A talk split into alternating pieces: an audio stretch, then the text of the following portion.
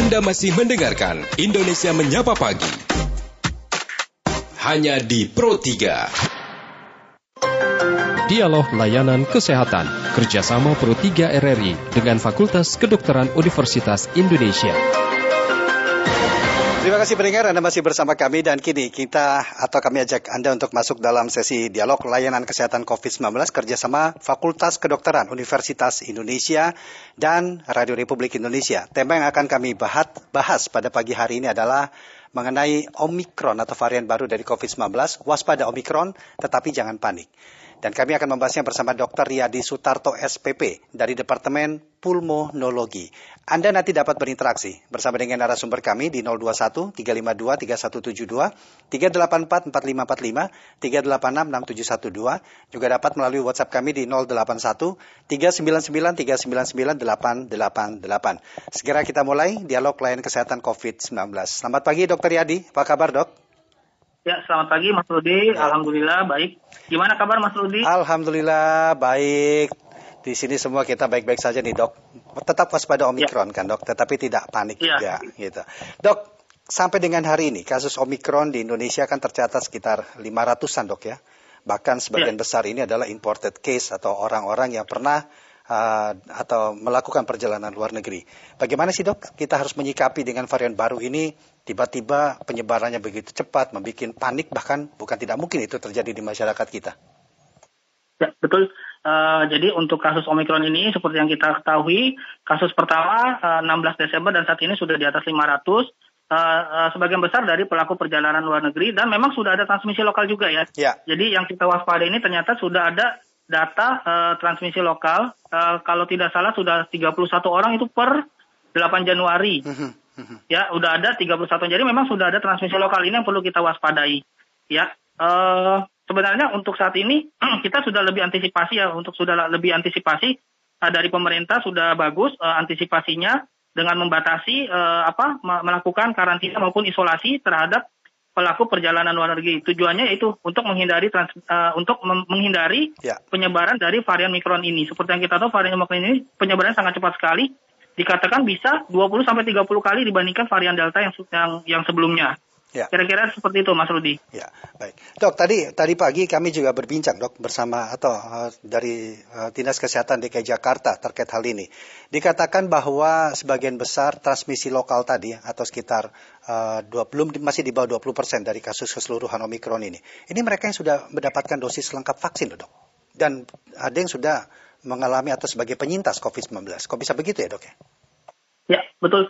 Jadi untuk kasus Omikron ini uh, memang uh, dapat apa uh, bagi pasien bagi orang-orang yang meskipun sudah uh, dua kali vaksinasi tetap bisa terinfeksi. Ya seperti yang kita tahu pelaku perjalanan luar negeri ini kan artinya mereka sudah lengkap vaksinnya. Yeah, yeah. Uh, tapi tetap tetap banyak juga yang yang yang terkonfirmasi. Memang varian omikron ini dia dapat menghindari dapat apa dapat uh, apa ya uh, vaksin itu apa bisa di mereka dapat menghindari vaksin mm-hmm. gitu. Tapi mm-hmm. vaksin ini tetap berguna ya, vaksin mm-hmm. ini tetap berguna karena laporannya uh, dua laporan dari dari dari WHO ini dua kali vaksinasi itu dapat menurunkan resiko perawatan hingga 65 persen. Mm, yeah. Jadi tetap meskipun uh, apa dikatakan wah percuma dong kita vaksinasi tapi tetap kena omikron. Bukan percuma, tapi ini justru uh, apa uh, berguna sekali karena dapat menurunkan resiko untuk dirawat inap di rumah sakit. Yeah. Ya sampai saat ini pun uh, saya juga termasuk di tim Wisma Atlet yeah. itu uh, yang kita rawat pun rata-rata OTG maupun gejala ringan karena memang pasien-pasien uh, uh, tersebut sudah vaksinasi dua kali. Yeah. Jadi tetap tetap berguna ya vaksin ya. Uh, bukan berarti kita harus wah sudah vaksinasi tapi masih kena gitu. Yeah ya. Bukan, Jadi, bukan tidak mungkin yang belum mendapatkan vaksin tingkat risikonya akan tingkat keparahannya akan lebih tinggi begitu dok ya? Ya betul. Memang sudah ada datanya mas. Ya, ya. data dari luar itu dikatakan yang tadi dua kali vaksinasi itu menurunkan risiko untuk dirawat hingga 65 persen. Hmm. Cukup besar itu angkanya. Iya, baik. Langkah kewaspadaan kita sebagai masyarakat apa yang bisa dilakukan dok dengan hal seperti ini? Ya, yang pertama tetap ya prokes ya tetap dijalankan. Jadi uh, meskipun kita lihat uh, sudah banyak keramaian, bukan berarti kita lengah, bukan berarti kita uh, apa mengendorkan prokes-prokes yang dulunya sudah kita jalani. Ya, semua prokes tetap harus dijalani secara baik, disiplin uh, itu adalah kunci untuk uh, kita terhindar dari Ya. infeksi COVID. Ya. Jadi baik ada baiknya kita terlalu tetap disiplin terhadap protokol kesehatan, terutama bagi anda yang sedang liburan mungkin ya, karena uh, saat-saat ini banyak masyarakat kita juga yang memilih liburan karena dikhawatirkan takut padat di musim Nataru. Ini data kami Jogja juga lumayan tinggi nih, uh, dok, kunjungan wisatawan dari uh, masyarakat kita atau wisatawan lokal. Jadi tetap berhati-hati, tetap disiplin prokes. Dok, kita terima dulu pendengar dok ya. Ada Pak Udin di Boyolali. Ya, siapa? Ya, Pak Udin, selamat pagi Pak. Selamat pagi, Assalamualaikum warahmatullahi wabarakatuh. Waalaikumsalam warahmatullahi wabarakatuh. Ada Dr. Yadi Sutarto. Silakan apa yang ingin ditanyakan?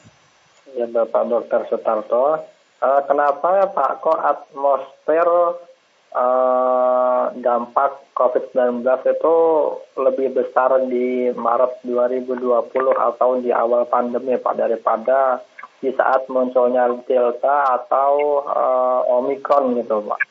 Oh dulu kan semua sektor gitu tuh nyampe nggak boleh sholat di masjid gitu ya. Nah itu saya juga nggak nggak begitu suka kayak gitu. Hmm. Ini kan terima kasih. Assalamualaikum warahmatullahi wabarakatuh. Waalaikumsalam warahmatullahi wabarakatuh. Terima kasih Pak Udin. Ya mungkin bisa ditanggapi dulu ini, Dokter Yadi. Ya, uh, gimana Mas tadi maksudnya Ya. di 2020 Ada perbedaan uh, menyikapi wabah. Kalau dulu pembatasannya begitu ketat, tetapi sekarang uh, tidak seperti itu. Apakah memang pembatasan yang begitu ketat itu bukan suatu solusi? Seperti apa itu, dok? Ya, eh, jadi waktu awal kita kan belum tahu ya apa itu COVID ya. Eh, jadi memang eh, kita mengantisipasi semua hal eh, karena pada saat itu juga yang 2020 ya, eh, apa eh, kita masih belajar ya, masih belajar. Eh, kita tidak mau eh, kecolongan di semua sektor, di di semua sektor ya. Jadi kita tidak mau kecolongan eh, apa dari sisi kesehatan eh, apa maupun sisi sisi lainnya gitu dan uh, pada saat itu juga belum belum belum ada vaksin gitu ya jadi Ya. uh, jadi lebih rentan Ya. dan ternyata vaksin yang dikembangkan ternyata memang memiliki manfaat yang sangat berarti ya buat buat kita ya Ya. Gitu terus juga pas mulai di apa pas varian delta yang kita mulai uh, kewalahan ya uh, itu kita benar-benar kan kita mulai itu lagi tuh mulai mulai ketat lagi di semua sektor ya Mhm. gitu. Nah, terus uh, apa cakupan vaksinasi semakin meningkat uh, dan ini juga sebenarnya cukup ketat karena uh, antisipasi dari perjalanan luar negeri itu cukup ketat sa- saat ini, ya. Itu yang kita antisipasi jangan sampai nanti kasus impor dari luar itu uh, kita berusaha semaksimal mungkin ya, semaksimal mungkin menahan uh, Omicron jangan sampai masuk. Itu ketat ya. Saat ini uh, pemerintah pun antisipasinya cukup ketat Justru itu nilai lebih apa, kita membatasi- dibandingkan membatasi pelaku Ya, nilai lebih kita dibandingkan negara-negara lain yang tidak melakukan karantina, dok ya. Justru inilah screening Iya. awal yang benar-benar uh, bisa membantu kita untuk menghambat penyebaran uh, varian Omicron. Iya, Baik, iya. dokter Yadi sebentar dok ya kita jeda, kita ikuti dulu informasi singkat berikut ini dok ya. Nanti kita Ya, lanjutkan siap, Pak. kembali. Ya.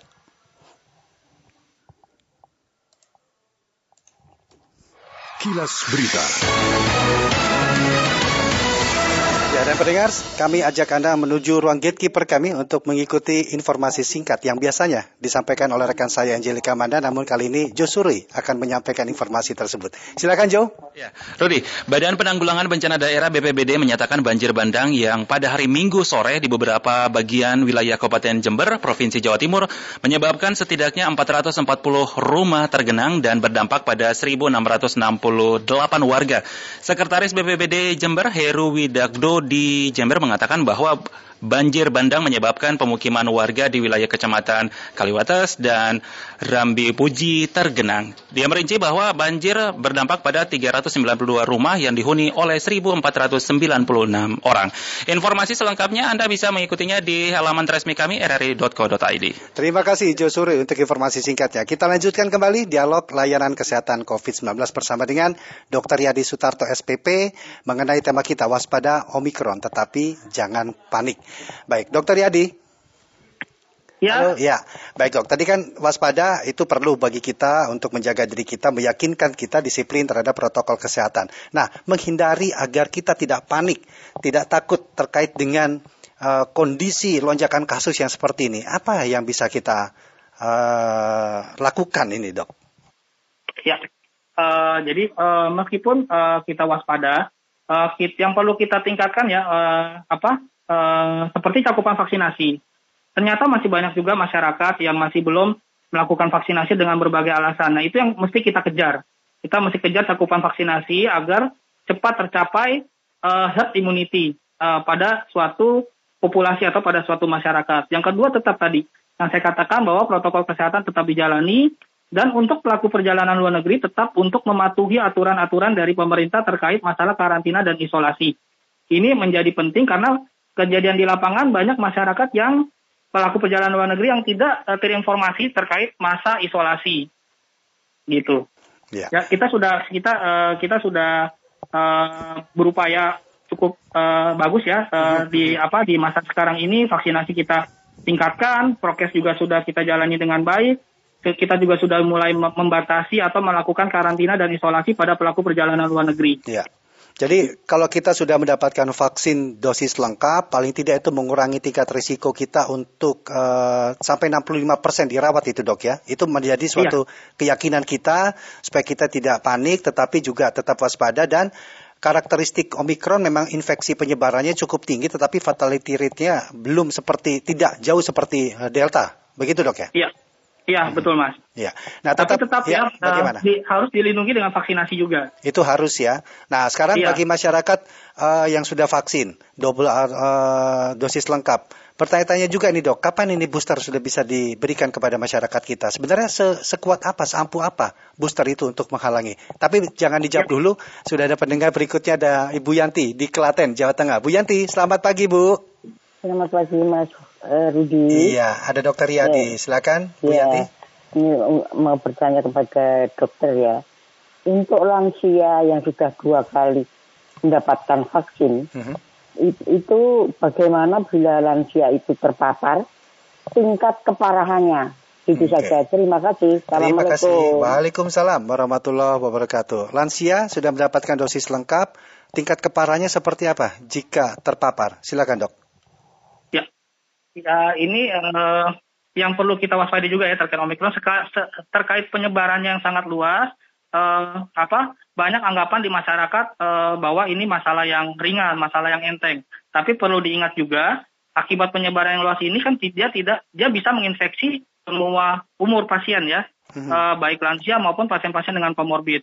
Tapi memang WHO sendiri sudah mendeklarasikan untuk kasus Omikron pada lansia pun dia tidak seberat pada saat pada saat kasus Delta. Ya.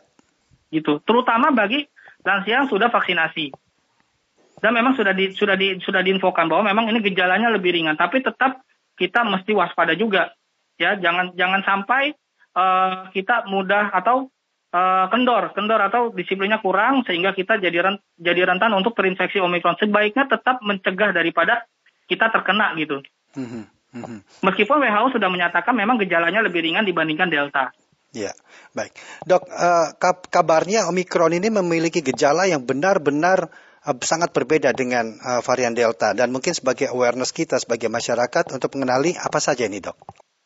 Ya, jadi memang uh, sudah ada penelitiannya di Hong Kong uh, terkait uh, apa uh, apa namanya proliferasi atau kembang biak uh, pertumbuhan atau perkembangbiakan dari si kuman ini bahwa kalau yang varian Delta itu dia uh, tumbuh kembang biaknya lebih banyak di jaringan paru. Mm -hmm. Memang dia sehingga menimbulkan gejala yang lebih berat. Sedangkan pada varian Omikron ini dari penelitian ternyata lebih banyak di saluran nafas.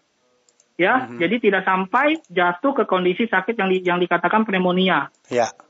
Ya, jadi gejalanya lebih banyak lebih ke seperti gejala infeksi saluran nafas atas seperti batuk ya. Uh, apa uh, sakit kepala ya, seperti itu. Mm-hmm. Jadi berbeda Jadi dia dok, tidak, ya? tidak tidak tidak seperti delta yang uh, berkembang biaknya cukup banyak di jaringan paru sehingga pasien banyak yang sesak. Iya, baik. Gitu. Baik, dokter, apa yang bisa dokter sampaikan untuk masyarakat terkait dengan kondisi sekarang, lonjakan kasus muncul, tetapi kita tetap waspada dan yang penting kita tidak panik dalam menyikapi suasana atau situasi ini. Ya, yang pertama eh, apa diharapkan atau dihimbau untuk tidak untuk eh, menunda dulu perjalanan ke luar negeri bagi masyarakat Indonesia. Yang kedua tetap menjalankan prokes dengan baik uh, lakukan vaksinasi bagi yang belum, kejar kejar vaksinasi. Uh, untuk saat ini mungkin dua kali vaksinasi dulu ya, uh, dan uh, kita sedang menyiapkan booster uh, untuk masyarakat karena memang booster sendiri sudah ada penelitiannya juga dia uh, efektivitasnya lebih tinggi dibandingkan dua kali vaksinasi. Ya. Jadi kita harapkan nanti uh, masyarakat juga bisa uh, mendapat uh, uh, booster Jadi kira-kira seperti itu sih Mas. Ya. Ya, men- menunda perjalanan luar negeri, lakukan vaksinasi, Mhm. prokes prokes juga eh, harus disiplin dan dilakukan dengan baik. Ya, jadi Kira-kira belum seperti itu, divaksin, segera cari eh, sentral vaksin terdekat ya dok ya, untuk kita Iya. divaksin karena itu sangat membantu sekali, terutama untuk eh, kita dan juga untuk lingkungan kita itu yang paling utama juga. Baik dokter Yadi, terima kasih dok ya sudah meluangkan waktu berbincang dalam dialog layanan kesehatan COVID-19 di pagi hari ini. Semoga bermanfaat untuk kita semua dok. Ya, terima kasih Mas Rudi. Ya, terima kasih Ya, dokter. Selamat- Assalamualaikum warahmatullahi wabarakatuh. Selamat pagi. Waalaikumsalam warahmatullahi wabarakatuh. Dr. Yadi Sutarto, SPP, dari Departemen Pulmonologi. Dan terima kasih untuk Anda sudah berinteraksi dalam dialog layanan kesehatan COVID-19 pada pagi hari ini. Mohon maaf jika tidak semua telepon Anda dapat kami terima. Nantikan terus dialog layanan kesehatan setiap Sabtu Senin sampai dengan Jumat di waktu sama dan tentunya dengan tema dan narasumber yang berbeda. Demikian dialog layanan kesehatan kerjasama Pro 3 RRI dengan Fakultas Kedokteran Universitas Indonesia. Acara ini bisa Anda dengarkan setiap Senin sampai dengan Jumat pukul 9.30 waktu Indonesia Barat.